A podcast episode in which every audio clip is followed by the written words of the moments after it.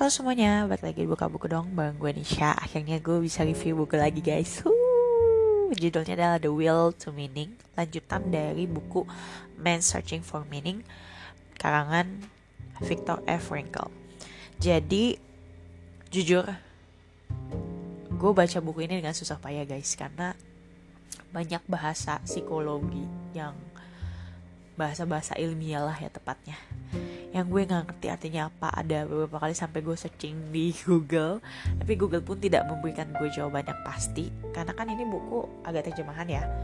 Jadi uh, bahasa Inggrisnya tuh waktu di bahasa Indonesiain kayak bahasa Indonesia tuh gue nggak ngerti gitu.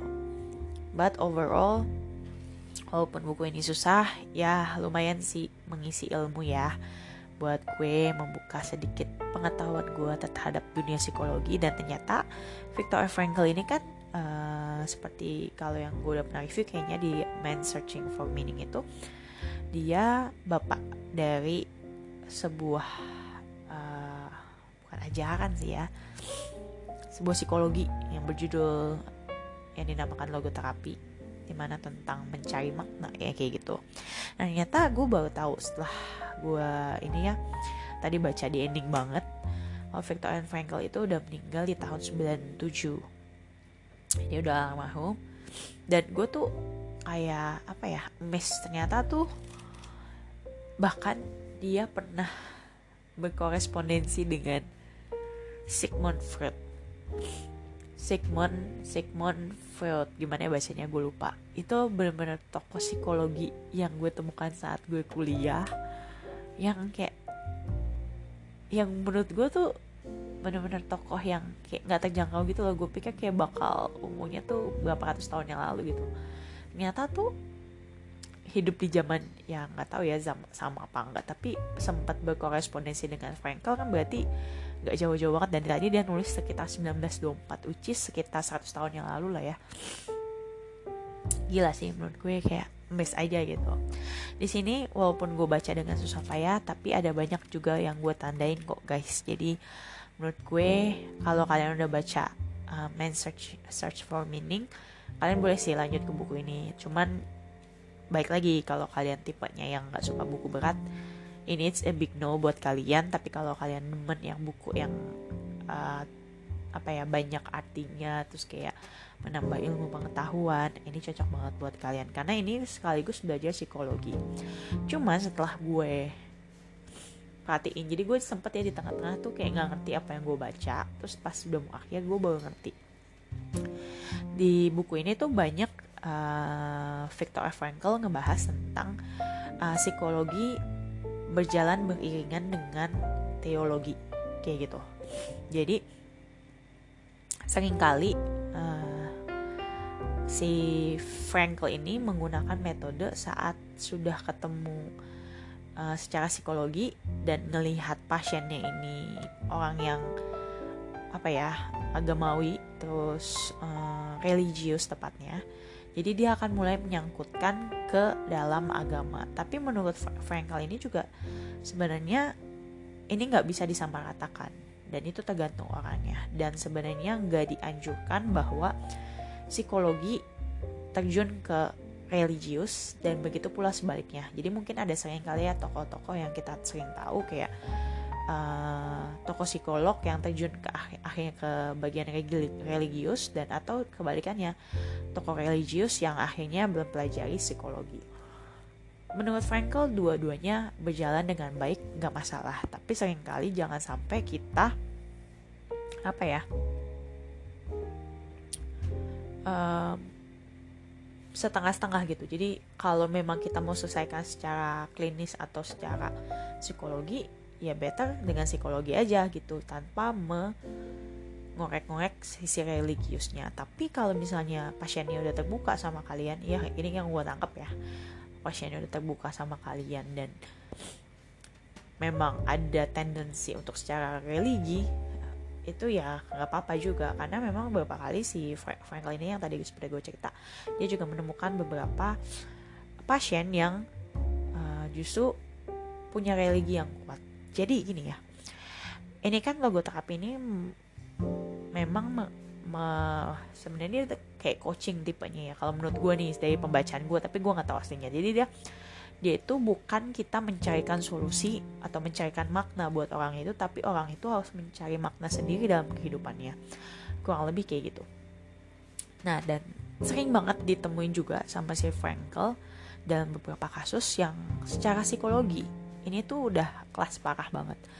Tapi yang membuat mereka bertahan ternyata adalah dari sisi religi dari sisi agama. Jadi memang Frankel kayak sebenarnya nggak apa-apa.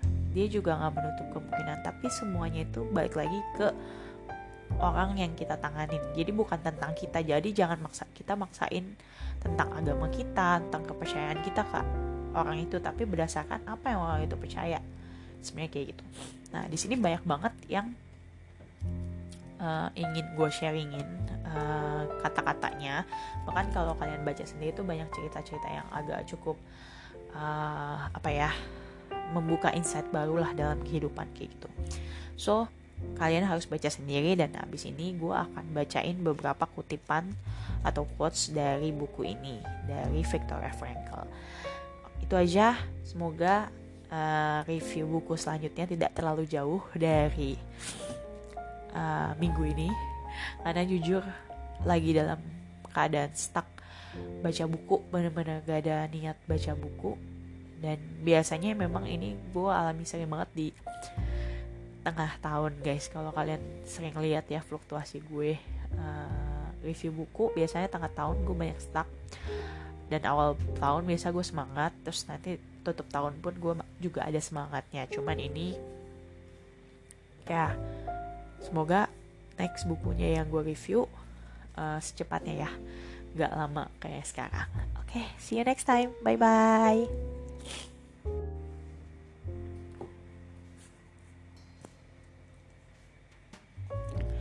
Lazimnya, kenikmatan tidak pernah menjadi sasaran yang dicapai dalam upaya manusia. Tapi justru dan sebaiknya tetap begitu muncul sebagai akibat.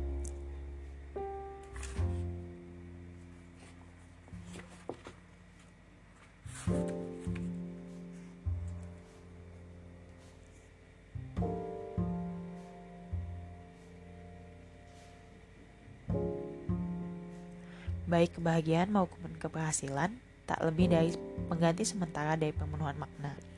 Oleh karena itulah, prinsip kenikmatan dan dorongan berkuasa diposisikan lebih rendah yang mengalihkan perhatian kita dari keinginan untuk menjadi bermakna.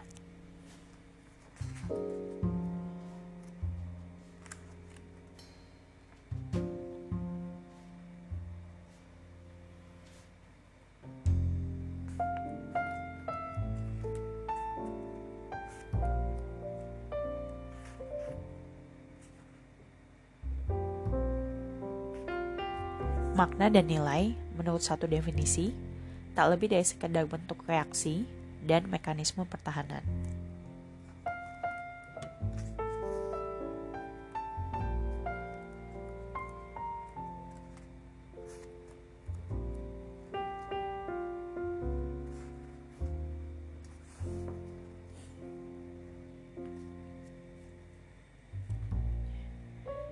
Konsep nilai sikap lebih luas dibandingkan dengan makna yang ditemukan dari penderitaan.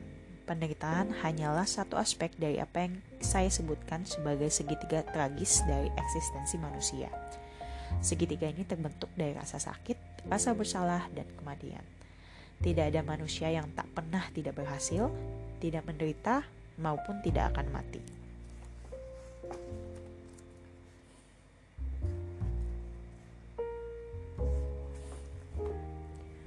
Di saat seseorang bertanya tentang rasa atau nilai hidup, hal itu menandakan bahwa ia sedang sakit.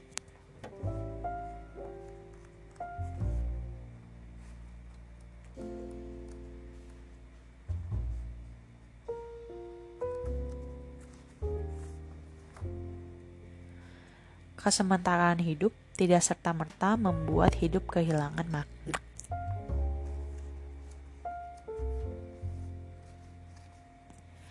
Yang penting bukanlah apa yang menanti di kegelapan, tetapi apa yang menunggu di masa depan yang menunggu Anda wujudkan.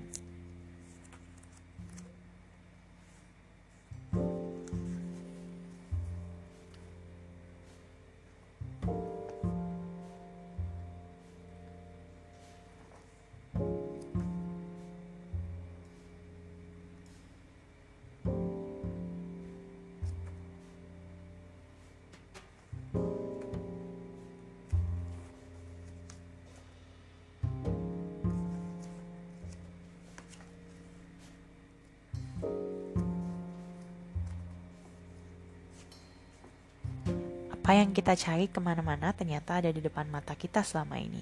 Ada di depan mata berarti bahwa tanpa diduga-duga, hal tersebut sudah ada bahkan sebelum kita sendiri mulai mencari-cari ke mana pun.